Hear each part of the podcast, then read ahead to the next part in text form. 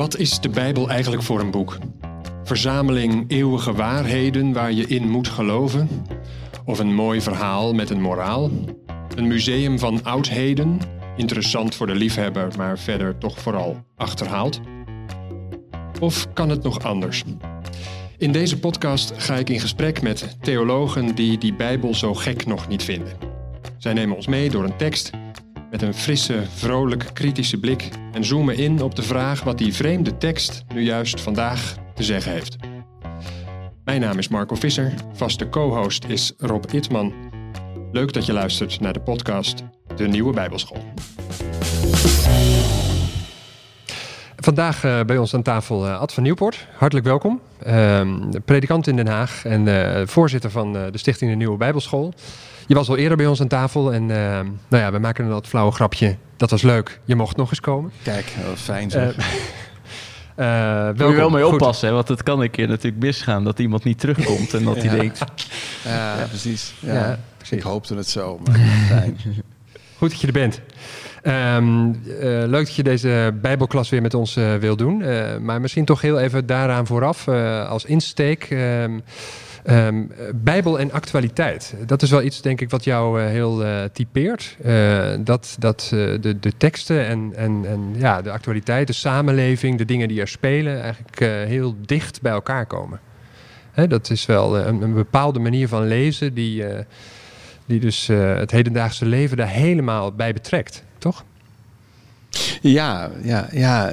Dat is, het is iets wat jou beter lukt dan heel veel andere dominees en predikanten volgens mij. Ja, dat, dat, dat weet ik zo niet. Maar ik, ik denk inderdaad dat uh, als predikant heb je tot taak om en je exegese goed op orde te hebben. Maar vooral ook de tijd te exegetiseren daarnaast. Mm. Dus uh, je moet weten wat, er, wat, wat is er aan de hand. Wat zijn de thema's? Waar mm. gaat het over? En, uh, dus dat betekent niet alleen maar je christelijke blaadjes in huis halen. Maar vooral ook bijvoorbeeld het financiële dagblad lezen. Om maar even zoiets te noemen. Of de groene. Of goede kranten ook internationaal, bijhouden, hard werken. Dus mhm. dat betekent dus, ja, je moet je schriftstudie goed hebben, goed op orde, maar daar red je het niet alleen mee. Dus het gevaar dat de preek een soort exegetisch betoogje wordt, ja, dat moet je natuurlijk niet willen. En dat vind ik wel ook overigens in onze Amsterdamse kringen, kan dat nog wel eens te veel die kant op schieten. Dat het mhm. eh, allemaal exegetische vondjes zijn, knap. En, en dan gaan we elkaar om de oren slaan over wel of niet juiste vertalingen, weet ik het allemaal niet. Moet absoluut, mag oh, ook. wat is de tekst ook weer mooi. Mooi, mooi, schitterend. Maar, de, mensen grote, buiten, die uh, snappen er geen reet van. Nee, en, en het gaat natuurlijk om van wat, wat, wat wil er vandaag vanuit die schriften Um, gezegd worden. Mm -hmm. hè? Dus, uh, nou ja, ik heb ooit het laatste interview met Frans Breukelman gedaan, samen met Wouter Klauwen, waarin hè, um, hij heel nadrukkelijk zegt: Verbeeld jij je vooral niet dat je iets te zeggen hebt. Ja? De, de, de, Ad van Nieuwpoort. Totaal niet interessant. Mm. Ik bedoel, dat is een meningje naast alle andere meningjes. Jongens, denk nou maar niet dat jij iets te vertellen hebt. Mm. Ja? Mm. Maar er wil wel iets gezegd worden.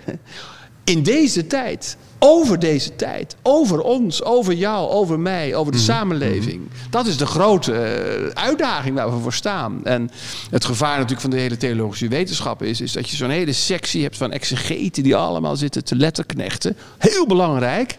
En dat je dan zo'n hele sectie hebt van systematische theologen die dat allemaal systematisch doordenken. En dat je dan als een schil ook nog hebt van, nou ja, de meer praktisch theologen die ook zouden moeten gaan nadenken over hoe dan, hoe vertalen we dat dan? Terwijl natuurlijk, ja, dat zijn eilanden geworden. Terwijl dat natuurlijk eigenlijk in een voortdurende wisselwerking met elkaar ja. zou moeten staan. En, en nou ja, dat is natuurlijk de, de tragiek van de wetenschap. Ja? Mm, ja. We zijn allemaal een soort geatomiseerd. Allemaal kleine lichaampjes geworden die, die geen enkel verband met elkaar hebben. En, uh, en ik geloof, ja, dat, dat vind ik toch ook wel de grote, het grote tegoed, zeg maar. Ook van mensen als Roger Sumond en, en ook Karel Deurle trouwens. Maar dat, we zijn natuurlijk opgevoed met de vraag, ja, wat wil dit vandaag nu zeggen? Mm -hmm. en, en, en is dat dan een manier van Bijbel lezen die je kan leren? Of zoiets dergelijks, hè? een maniertje, een soort hermeneutische school?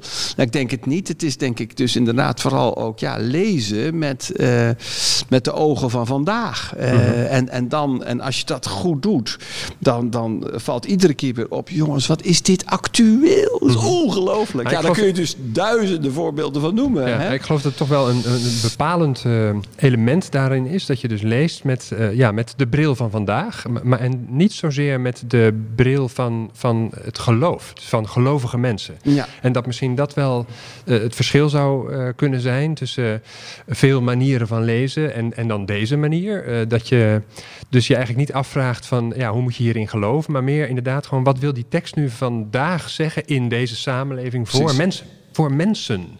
Uh, dus niet zozeer voor mensen van de kerk of voor mensen die nou heel bijzonder hierin geïnteresseerd zijn of in, voor gelovigen. Ja, ja, ja ik denk dat je gelijk hebt. Ik denk dat je eh, gelijk hebt. Dat, dat is één. Dus het is altijd in een religieus kader geplaatst, het geloofsmatige kader. En natuurlijk de oude zonde het historische kader. Mhm. Dus we hebben die Bijbel gelezen als een soort geschiedenisboek. Van heel lang geleden was er daar een Abraham en die hoorde een stem. En jongen, hè, dat moet toch wat geweest zijn. En daardoor is er een enorme afstand ontstaan tussen die tekst en mijzelf. Want ja, dat is zo lang geleden, joh. Dat is, eh, dat is in de oertijd geweest. En ik leef nu in een hè, moderne hè, uh, 2021. Wat een, er is een enorme kloof te overbruggen tussen die hele oude de geschiedenisteksten en onze tijd. Terwijl ik denk, nee, op het moment dat je natuurlijk literair leert lezen, dan spreekt deze tekst nu tot mhm. ons. Mhm. Ja? En natuurlijk zitten allerlei historische elementen in. Maar uitgaan van, dit is een tekst van heel lang geleden. Hè, daar moeten we ons helemaal in verdiepen in die context. Hoe heeft men toen geleefd? En wat zijn de auteurs? En weet ik, nou, voordat je dan aan de tijd van nu uh, toekomt, mhm. dan ben je natuurlijk, dan is iedereen alweer naar huis. Begrijp je? Dus, ja, je zou het op, op een positieve manier naïef kunnen noemen. Om te zeggen, we gaan gewoon die tekst lezen. We doen net alsof die gewoon hier en nu spreekt. Ja.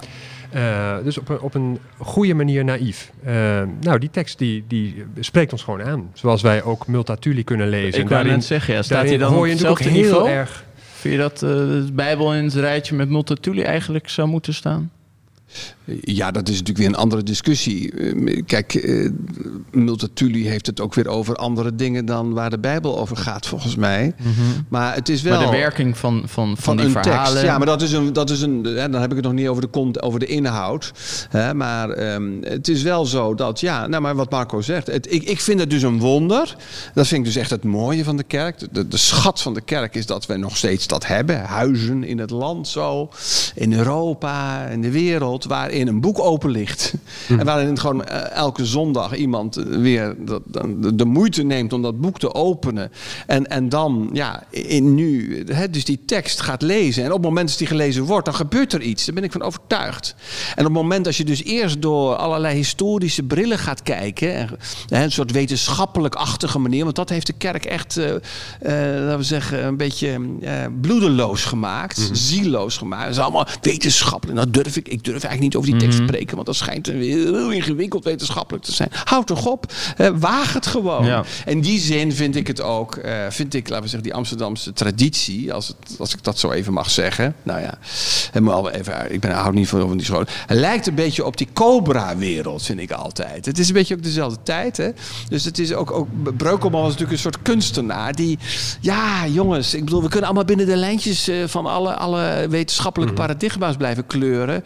Maar uh, ja, wat gebeurt er als we die lijntjes eens even verlaten? Af en toe de even. Ja. ja. En wat, wat, wat, wat zie je? Want dan gaat er een nieuwe wereld open. En, en dan natuurlijk moet je op de academie daar goed over nadenken. En moet daar goed college in geven. Maar wel ook uiteindelijk ten doel dat je dat ook weer kunt loslaten. Om inderdaad onbevangen, naïef, tussen grote aanhangstekens natuurlijk, altijd, die tekst tegemoet te kunnen treden met de vraag: wat wil hier nu vandaag gezegd worden? Die mensen komen daar op zondag niet om te horen hoe dat historisch ooit daar en daar mhm. toen en toen ontstaan is. Maar die komen om, om, iets te horen voor hun week. Die zitten in een, in een volle agenda eh, of, of, of, of hebben grote vragen en denken: ja, is er nog iets anders te zeggen dan wat we de hele week al in de krant lezen of op de media, in de media eh, tegenkomen? Ja, dat is de functie van de kerk. Ja. En vind je dat dat nog voldoende gebeurt, Ad?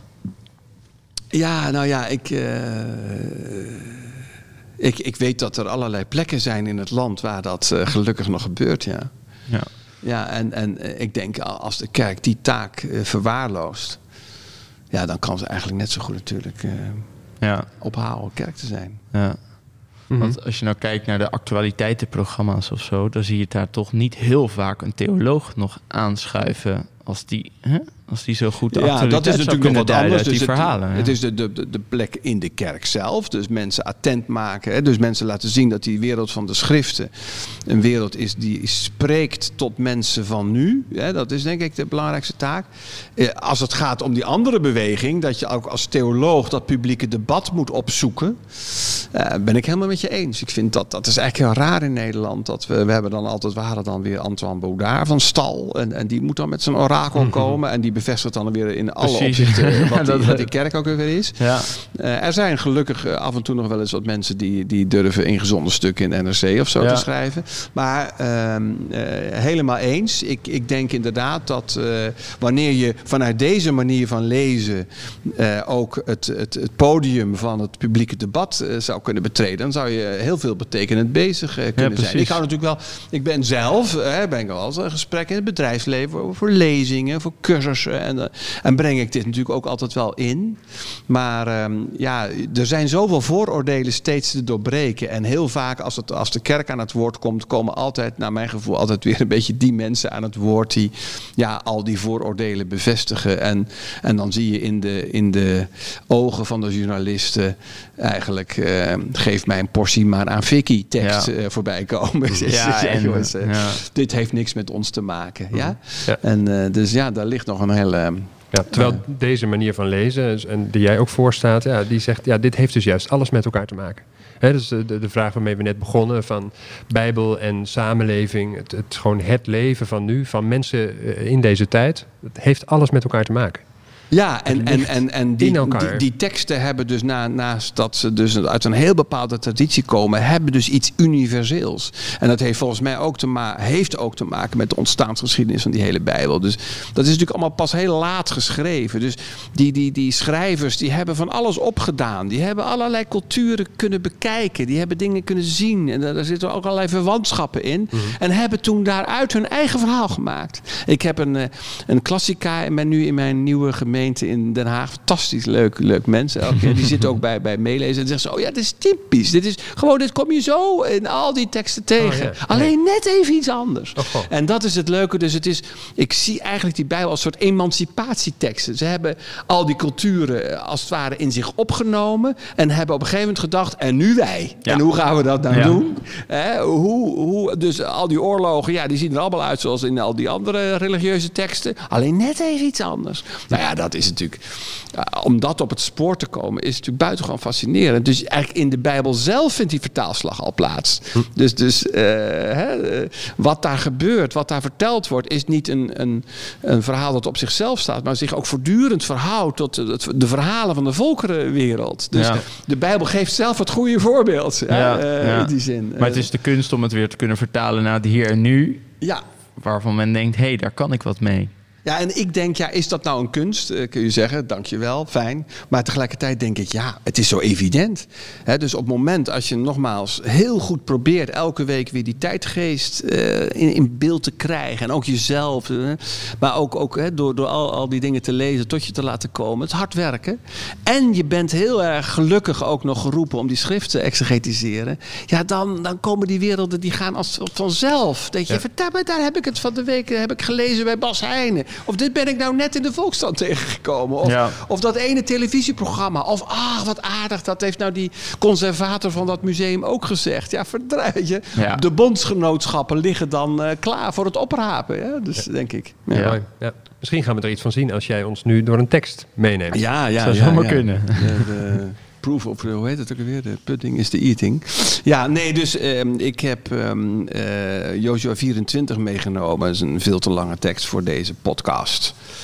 Um, het is ook de tekst waar ik toevallig ook uh, mee bezig ben geweest in mijn gemeente. Dus dat is, ja, dat, uh, heb je een favoriete tekst? Dat is dan vaak de tekst waar je mee bezig bent geweest. Ja. Nou ja, ter inleiding natuurlijk, Joshua is een, is een bijzonder boek. Ehm, Karel Durlo heeft daar een prachtig magieblokje over geschreven.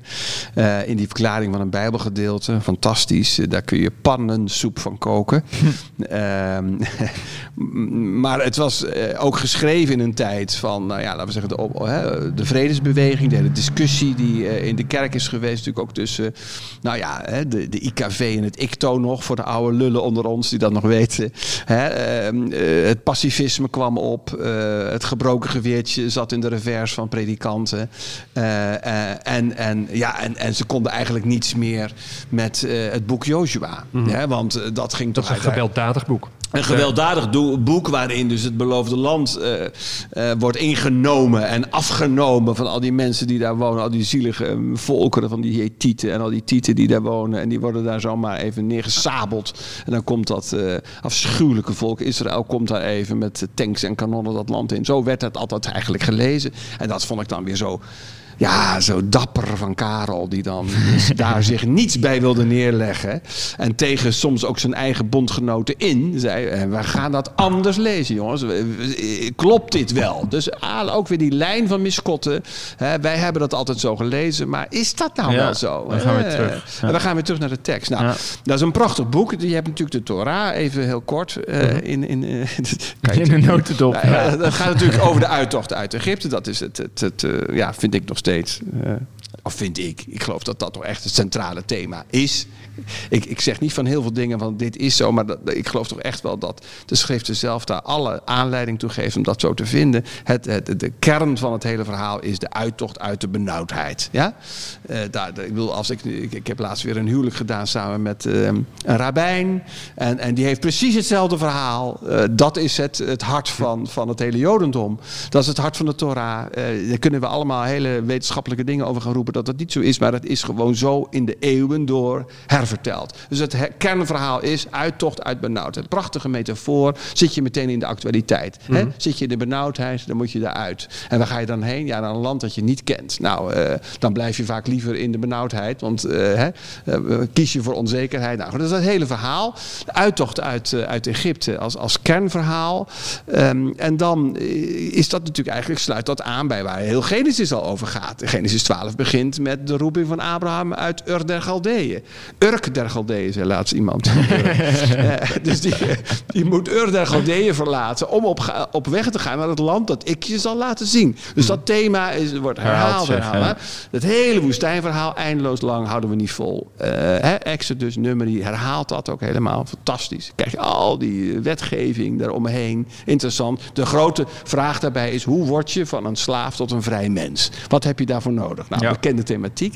En en dan is natuurlijk de grote ja, uh, deconfituur van die hele, hele is dat het eindigt niet in het beloofde land. Dus de hele, vijf boeken lang, het kernverhaal van, van de kerk zou het moeten zijn, gaat over uittocht uit Egypte en op weg naar het beloofde land. En het eindigt voor de grenzen van het beloofde land. Nou, dat geeft nog steeds zo te denken. Hè? Dus Mozes mag nog één keer die berg op, die kijkt. Kijken, die kijkt, ja, ja, om het te zien. Hè? En hij ziet wat hij eigenlijk niet kan zien en, en sterft dan en wordt door Adonai begraven. En niemand kan gelukkig zijn graf meer terugvinden. Hè? Want dan zit je daar weer een bedevaartstocht naartoe gehaald. En dan krijg je dus de grote vraag, ja, en, en ja is en dit dan? het dan? Ja, en dan? Ja. Er zijn natuurlijk, dat is de Torah, de, de, Pentatuig, de vijf boeken, dat is het dan. En dan is het natuurlijk, uh, ja, dan, dan, en dan ga je dus over in die Nevi'im, in die profetenboeken, want de Torah is uit. En dan is het natuurlijk wel heel mooi dat dat, uh, ja, laten we zeggen, tussen de Torah en de profeten stroomt dan dus die Jordaan. Ja? En, en, en dat is het boek Joshua. Het is niet voor niks natuurlijk dat er ook hè, mensen zeggen, eigenlijk hoort Joshua nog uh, bij, uh, bij die pentatuig. Er hoort eigenlijk er hoort een hexatuig te zijn. Zeg ik het goed, Marco? Zoiets, ja.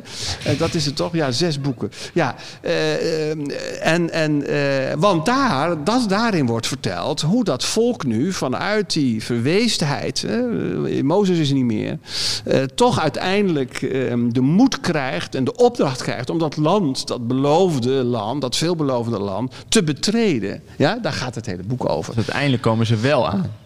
Ja, en dat is ook nog maar de vraag. Hè? Dus, dus ik denk dat, uh, en dat is nou net de kracht van ook dit Bijbelverhaal. Het is geen sprookje. Het is niet een en zij leefde nog lang een gelukkig verhaal.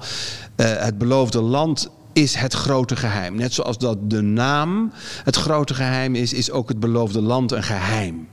Uh, wat, je, wat je elke keer weer opnieuw moet, moet opdiepen en ontdekken. Dus dat, dat, dat is niet. Dat is niet een soort mm -hmm. entiteit. Dat is iets. Niet te definiëren. Dus op het moment dat je zegt: dit is het beloofde land, ja, dan, dan ben je arrivé. En dan moet je eigenlijk weer bij Genesis 1, bij, bij de Toa boven van Genesis beginnen. Ja.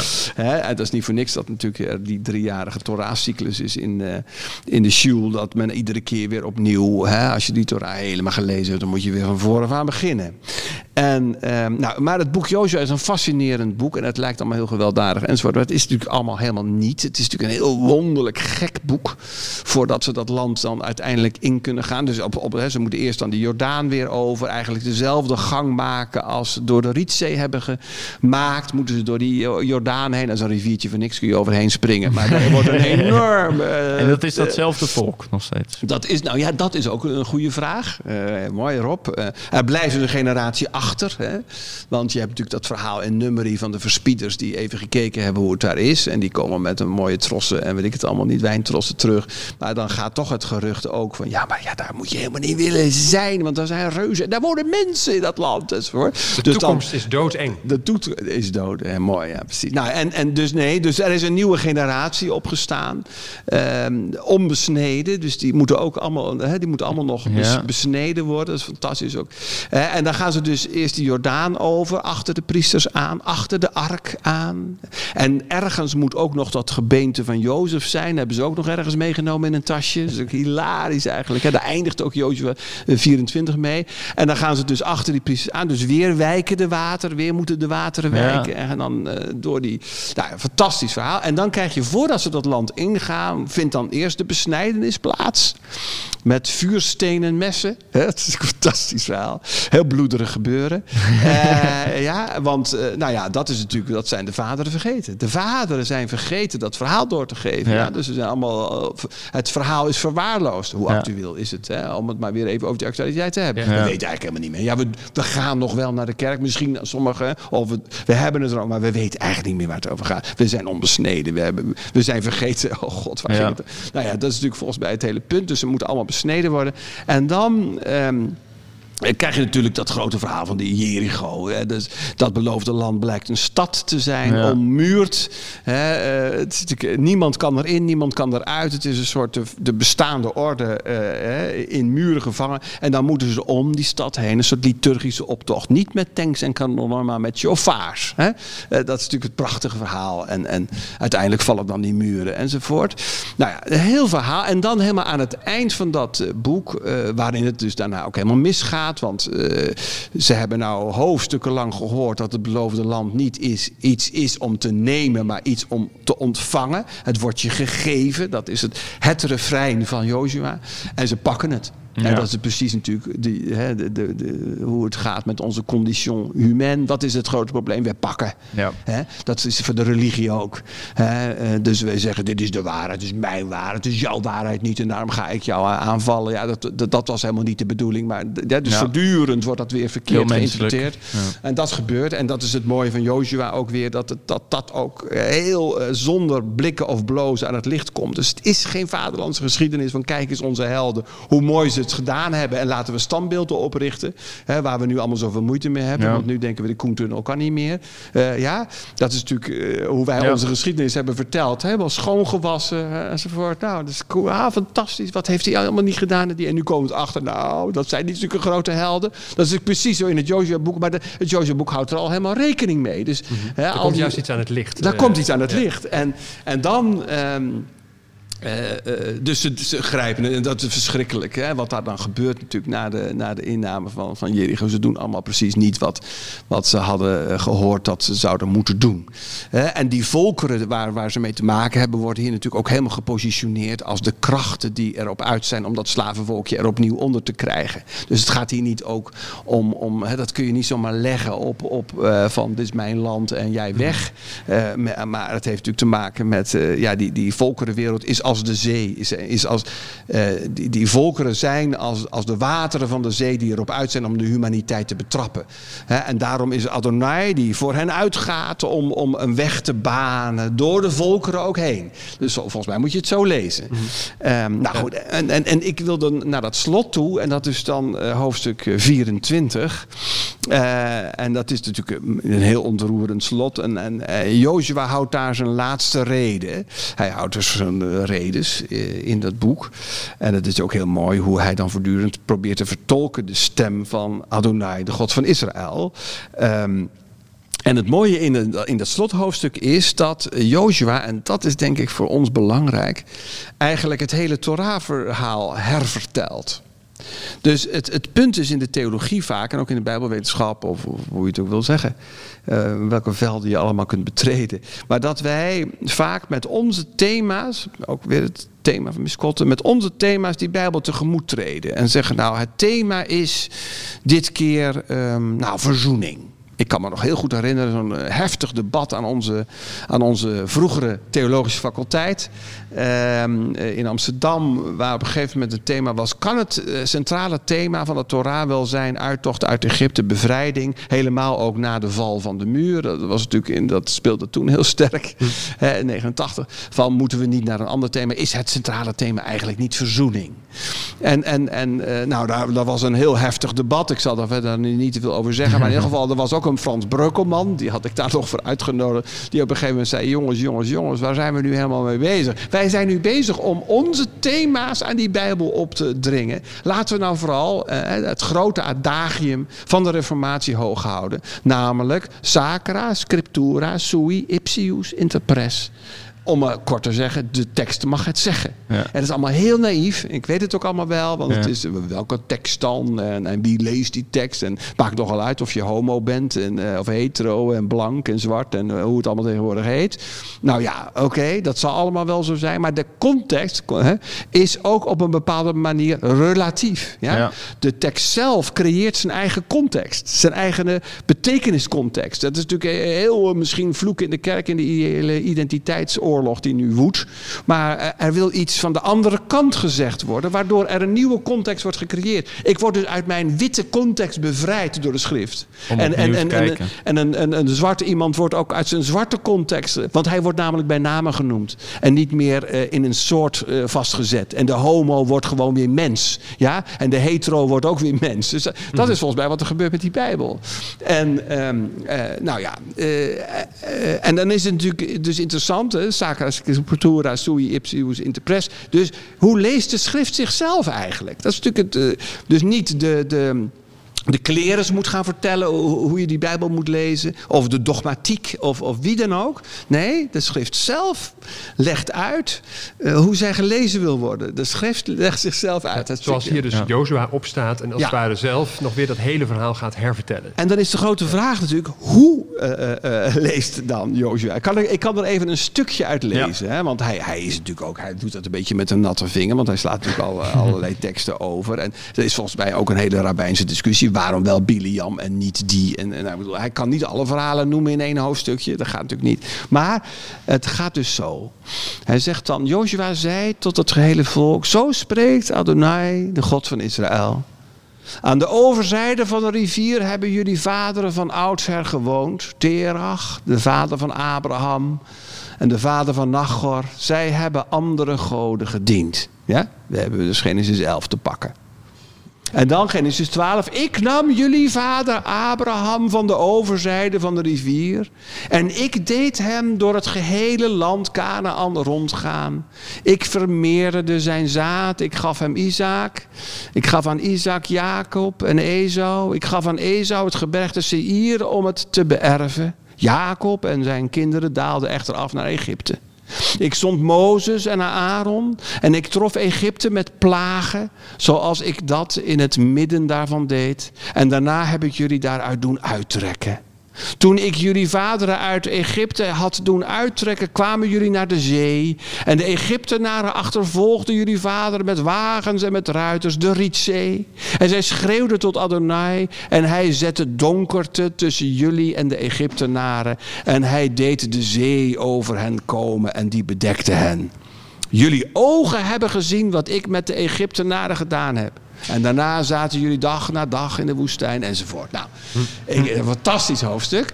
Hier vertelt dus, hervertelt uh, Joshua, de schrift zelf, ja, de opvolger van Mozes, vertelt het verhaal van Mozes. Ja? ja. En dan bepaalt die hele nieuwe generatie die klaar staat om de toekomst tegemoet te gaan. Exact. Bepaalt hij bij, ja, wat is nou het verhaal? Waar, ging het nou eigenlijk over? Waar gaan we het mee doen? En het mooie natuurlijk van deze preek van Joshua is dat, um, kijk, als we nou Genesis 12 hebben geëxegetiseerd, keurig, hè, voor onze exegese tentamen, dan moet je zeggen, ja, ik nam jullie vader Abraham van de overzijde. Nou, nou, nou, ja, eh, ik nam Adonai, ik nam maar goed, er staat toch eigenlijk, ga jij. En hij ging. Ja? Dus maar, uh, je begrijpt je? Dus uh, hij, hij maakt, um, hij her hervertelt dit verhaal en maakt tot subject van dat hele verhaal Adonai. Mm -hmm. De grote bevrijder zit hier aan de knoppen, om het maar even zo te zeggen. Dus niet de farao, niet de volkerenwereld, niet de wateren, maar Adonai zit aan de knoppen. Ook niet Abraham? En dus ook niet Abraham. Nee, ik nam jullie vader Abraham. Ja? En, en ik deed hem door het gehele land Canaan rondgaan. Dus uh, wat doet Joshua hier? Hij vertelt het Torah-verhaal als één groot bevrijdingsverhaal. Hmm. Ja? Nou, zo gaat het helemaal door. Het gaat over Biliam. En nou ja, je kunt het allemaal, allemaal, allemaal uh, um, lezen in, in hoofdstuk 24. En ik denk dat dat heel fundamenteel is. Dus dat je, en als het gaat over Bijbel en actualiteit, um, dan moet het dus gaan uh, over die grote bevrijder God die ons um, uit de benauwdheid haalt. En, en op het moment dat je het daarover hebt, dan, dan hoef je dat bijna niet meer in te vullen. Want ja, die benauwdheid is herkenbaar. Ja? Dus, dus uh, de, dat bezette gebied Egypte, Mitzrayim, is aan de orde van de dag.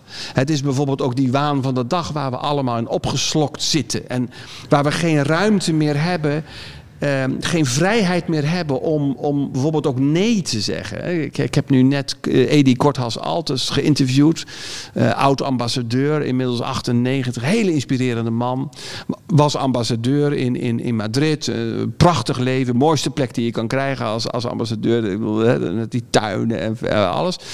En die voelde op een gegeven moment ik, ik, ik, ga, ik moet met iets meegaan waar ik niet in mee wil gaan. Bijvoorbeeld die hele nucleaire bewapening was toen aan de orde. En hij, hij was uh, bezig het grote bezoek van koningin Beatrix uh, voor te bereiden aan, aan Spanje. En nou ja, uh, eervoller kan haast niet. En hij, hij, hij krijgt dan een droom, ik zal het niet helemaal in detail vertellen. Maar in ieder geval, um, hij, hij ineens voelt hij dat Christus hem aanspreekt en zegt... Edi, wat heb jij nou met de mogelijkheden die jij hebt gekregen gedaan? Wat heb je eigenlijk gedaan in jouw leven? En dan valt er ineens een enorme last van hem af. Die hele bubbel van dat ambassadeurschap valt van hem af. Ja. En voor het eerst in zijn leven durft hij nee te zeggen. En schrijft dan een brief aan de minister van Buitenlandse Zaken. En vertelt dan dat hij dus zich zal gaan verzetten tegen die hele nucleaire bewapening. En dat het aan hem is, aan de minister is, om hem dan wel te ontslaan of niet. Nou, uh, per omgaande kreeg hij zijn ontslagbrief. Ja. Hè? Was, uh, dat hele bezoek kon hij niet meer voorbereiden. En, en moest het vliegtuig pakken. En vanuit Madrid weer naar. Nee, mm -hmm. Maar inderdaad, over innerlijke vrijheid gesproken. Dat, dat, is dan zo indrukwekkend. Ja. En, en dat, dus dat, dat hele. Dus het, uh, bedoel, dat, dat, dat, dat, dat uh, tichelmakende volk in, in, in Egypte zit in die slavernij gevangen. En dat is zo, dat, die tichels, dat zijn de targets van deze tijd. Dat zijn gewoon de bullet points waar, mij, waar wij, wij mee leven. Mm. Met al dat resultaatgerichte mm. werken. De, de, de hele school als, als, een, als, als, een, als een cijfermachine. Wij moeten, ik zie het aan mijn dochter Trui, die voortdurend... Je moet allemaal cijfers halen, wordt voortdurend getoetst. Terwijl het eigenlijk de vraag, ja, wie ben jij? Waar gaat het eigenlijk om? Mm. Wat doen wij in dat korte leven dat we hier op deze... Dan gaat, ja. komt het op school helemaal niet aan de orde. Terwijl nee. dat dan het, het, thema zou moeten zijn. Nou ja, dus... En, en dan is dit verhaal dus een, een, ge, een geweldige tegenstem... die ons attent maakt op uh, dat wij in slavernij leven. Dus de genade, hè, het woord van liefde... Uh, ontmaskert onszelf mm -hmm. als, als, als mensen die eigenlijk uh, diep in de benauwdheid zitten. Ja. Hadden we helemaal niet in de gaten, want wij leefden een heerlijk mm -hmm. hedonistisch leven. Althans, uh, op sommige plekken. Ehm, maar we worden ontmaskerd door die schrift als, als eigenlijk hele armzalige sloebers. Als, als slaven die alleen maar bezig zijn met cijfertjes en bezig met de vraag: word ik wel erkend, word ik wel gezien, ben ik wel leuk genoeg? Nou ja, hoe zin, actueel wil je het hebben? Begrijp je? Ja, in die zin is het ook een ongemakkelijk verhaal ergens. Hè? Als je Heel dat, als je dat echt op je, op je, bij je binnen laat komen, hè? wat dat eigenlijk dan mhm. zegt en hoe het, hoe het je bevraagt en wat het je. Precies. Uh, nou, wat voor een richting dat kan wijzen, dan is het ook ongemakkelijk. Dan haalt het je ook enorm uit je bubbel, zeggen wij nu. Het is een enorme eh, luis in de pels verhaal eigenlijk. Mhm. En uh, dus ook helemaal niet fijn. Het is dus geen mooi eh, zalvend zingevingsverhaaltje waar iedereen vandaag de dag zo naar op zoek is. Mm Zingeving. Dus dat leven, dat vind je een beetje tekortschieten. Dan moet er nog een laagje zin overheen. Ah, dan kunnen we lekker op onze steen in balans komen met onszelf. Ja, nee, dit is een heel kritisch verhaal. Wat je mhm. uit je comfortzone haalt. En, en wat eigenlijk zegt, jongens, mens durft te leven. Je leeft niet. dat is natuurlijk fantastisch. Nou ja, en dan is dus ook de consequentie, als je dus dat verhaal gehoord hebt, dan zo eindigt dan ook de preek van Joshua, maar hè, als het nog even afgemaakt kan worden, dan is het natuurlijk het punt, ja, wat, dit is dus het verhaal, hè, dus hallo jongens, dit is het, dus, dus zo bevrijde mensen zijn we dus, hè, zo zitten we hier. Nou, eh, wat, wat, eh, wat is daar de consequentie van? Dat kun je allemaal mooi, eh, mooi gesproken, dominee, en we gaan weer naar huis. hoe blijf je vrij? Ja, toch? En dan is dus, dan, is dan, dan zegt hij, dat is natuurlijk het mooie. Heb ontzag voor Adonai en dien hem volledig en trouw. En dat is natuurlijk dat, dat woordje dienen. Dat is natuurlijk het woordje wat uit Egypte komt. Ja? Dus dien je, zit je in de slavendienst of, of dien je deze bevrijder God? Daar gaat het dus even om. Dienen knecht zijn. Ja, ja zeker. En, en, en dan zegt hij, en dat is natuurlijk fantastisch, religie kritisch. doe je goden weg. Ja? Dat zei overigens Jacob ook, hè, toen hij in, eh, in Genesis uh, het land weer betrad. Dat hij zei, jongens, begraaf eventjes. Heb jij nog mm goden erop? Uh, even zakken leeghalen. Ja, verdomd. Ik zie daar nog een god zitten. Dus niet, niet word gelovig. Je moet nu heel erg... Nee, word ongelovig. Hè? Dus dat is de grote oproep van de Bijbel. Niet ga geloven. Nee, word ongelovig. Dus je moet niet, geen geloof meer hechten aan die beurskoersen. Houd toch op. Geen geloof meer hechten aan die consumptiemaatschappij. Nee, je wordt eigenlijk ten diepste tot in de kern van je wezen ongelovig, doe je goden weg. Hè? Ehm, net zoals, laten we zeggen, ook Abraham zijn goden heeft moeten loslaten, die die aan de andere kant van de rivier diende. Zo zullen we dat ook nu moeten doen. Dat is eigenlijk heel mooi. Een mooie parallel met, uh, hè, met uh, dat gebeurt bij Shichem. Dus dit, dit volk wordt nu bij Shichem bij elkaar geroepen. En in Genesis 33 gaat het natuurlijk over die, hè, die, die, die broederschap tussen Jacob en Ezo. Maar vervolgens krijg je daar dus ook het grote verhaal van dat, dat ze die goden moeten begraven bij Shichem. In de, hè, uh, en, en dat ze dan pas het mhm. land kunnen betreden. Het is een herneming van het oude verhaal. Het is helemaal een herneming van het. Uh, Maar dan is natuurlijk de grote vraag: en, en van wat zijn nu onze goden? Als je mm nou, en dat vind ik dus heel mooi. Dat zo iemand als Tom Veerkamp heeft daarover geschreven. Vind ik heel, heel mooi, treffend. Want dat is dus datgene waar we achteraan lopen. Dus dat hele begrip God moeten wij ontmaskeren. Ja, maar sterker nog, hoe ontmaskeren we onze goden? Ja, hoe, hoe gaan we zien uh, voor wie wij door de knieën Precies. gaan? Nee, exact. Ja, nee, maar dat Wat is zorgt er nog voor dat we daar bewust van raken? Als we, als we niet met verhalen aan de slag gaan die we het onszelf laten vertellen. Ja, Rob, dat is het helemaal. Dat is het Top, nou, ik wel afsluiten. nee, nee, maar dat is ja, het. maar dat is dus- de, angst die ik uh, wel eens heb, uh, omdat die teksten zo verdwijnen. En daar ben ik er zelf ook niet elke week mee bezig. Ja. En als je om je heen kijkt, hoe we ons laten leiden door omgeving of laten leiden door het nieuws. Precies. Uh, wat zegt nou even, even halt uh, en even een stapje terug? en uh, wat, ja. waar zijn we eigenlijk mee bezig? Voor wie ga je allemaal niet door de knieën voortdurend? Mm Wat vind je belangrijk? Dus dat ja. zegt, hè, dus de definitie van het woordje God is eigenlijk datgene waar we vandaag de dag achteraan lopen. En zonder dat we het in de gaten hebben. Dat is het hele punt. Mm -hmm. Je zou ook eigenlijk kunnen zeggen, die slavernij van Egypte, ja dat, ja, dat is gewoon zo, jongens.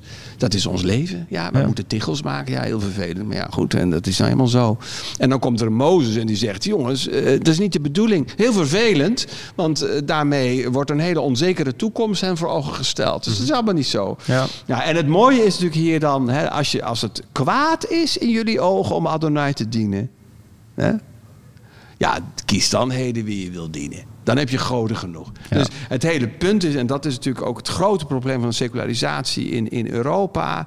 Het is dus zo met dat, laten we zeggen, dit verhaal, hè, met jou te spreken, Rob aan het verdwijnen is, is het niet zo dat daar een leegte achterblijft. Ja, dat is de grote vergissing geweest van D66, als ik het zo vrij mag zijn. Hè? Grote dramatiek van, van uh, Hans van Mierlo. Hè, als we ons nu maar allemaal ontzuilen, hè, dan worden wij geëmancipeerde mensen. Nou, vergeet het maar. Hè? Uh, daarvoor in de plaats is, is, is de markt bijvoorbeeld nou, gekomen. Precies dat. Wat, wat vult het nu in? En, en dat is dus nu bepalend in alles. In de gezondheidszorg, en het onderwijs. In alle denken. We denken alleen nog maar in een soort neoliberaal uh, systeem. Ja? Dus, dus ja, als je Adonai niet dient, als je dat dus niet doet, ja, dan, dan ja, de, te kust en te keur. Ja. Dan kun je, alle. ja. Mhm. Dus dat is dus uh, heel vaak is dit gelezen als je moet nou heden kiezen of, of de God van de Bijbel of uh, het ongeloof of zoiets dergelijks. Zo heeft de EO het ooit gepresenteerd op een EO-familiedag, kan ik nog uit mijn jeugd herinneren. Uh, nou, dat is het natuurlijk niet. Het is hier, uh, als je Adonai dient, dat betekent dat meteen dat je in een kritische spiegel kijkt en moet gaan ontdekken, wat zijn mijn goden? En ook, en het mooie is in dit verhaal, we moeten afronden geloof ik, maar het mooie in dit verhaal is dat dus dan het volk zegt, ja hoor, dat doen we. Eh, heel enthousiast. En dan weet je het zeker? Ja. dat doen we. Nog een keer zeggen ze dan. En dan zegt uh, Joshua, en dat is het leuke van de Bijbel. Je kunt dat helemaal niet. ja? Dus het is meteen weer de geheilzame relativering. Van, want dan, anders zou het zijn, nou, nou moeten wij dat allemaal gaan doen. Dat, dat kunnen wij dus eigenlijk helemaal niet. En alleen al dat besef, dat maakt ons vrij om misschien wel toch soms even de weg van Adonai te gaan. Dat is natuurlijk, dat is het, nou ja, als het nou gaat over genade, dan is het dat natuurlijk dat je, je hebt, bent aangeraakt door dit verhaal. Ja, je gaat het natuurlijk niet redden om, om dit te, realiseren. Maar ergens is het gerealiseerd en worden we daarin uh, als mensen betrokken. Worden we, daar, uh, we worden meegenomen in die bevrijdingsgeschiedenis Ondanks onszelf. Mhm. Ja, dat is, Natuurlijk, dat is eigenlijk de boodschap van de hele schrift volgens mij. Eh.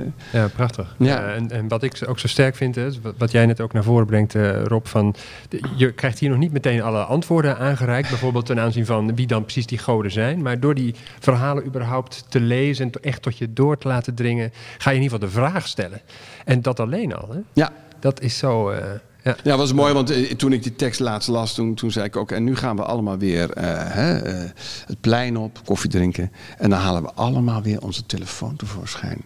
Ja, en dan drukken we hem aan en dan wop, dan komt van... oh god, je agenda, je bankrekening... Alles wat er moet. Al die goden, die, die zeggen kom maar, kom maar, kom maar, kom maar. Hè? En het is niet te geloven, dat hebben wij tegenwoordig in één kastje... in onze ja. smartphone allemaal. Dus al die goden, dus er zijn er heel wat... die zitten hier allemaal in apps, gewoon in je telefoon... Maar ook deze podcast. Uh, en ook deze podcast. Gelukkig als een soort luis in de pels. Uiteindelijk is het explosief materiaal wat we hier naartoe brengen. Als je dit aanzet, dan ontploffen al je andere apps. Het zou mooi zijn als het zo werkt. ja, ja, wie weet. Zeer bedankt voor vandaag. Ja, Super. Dankjewel. Jullie dank.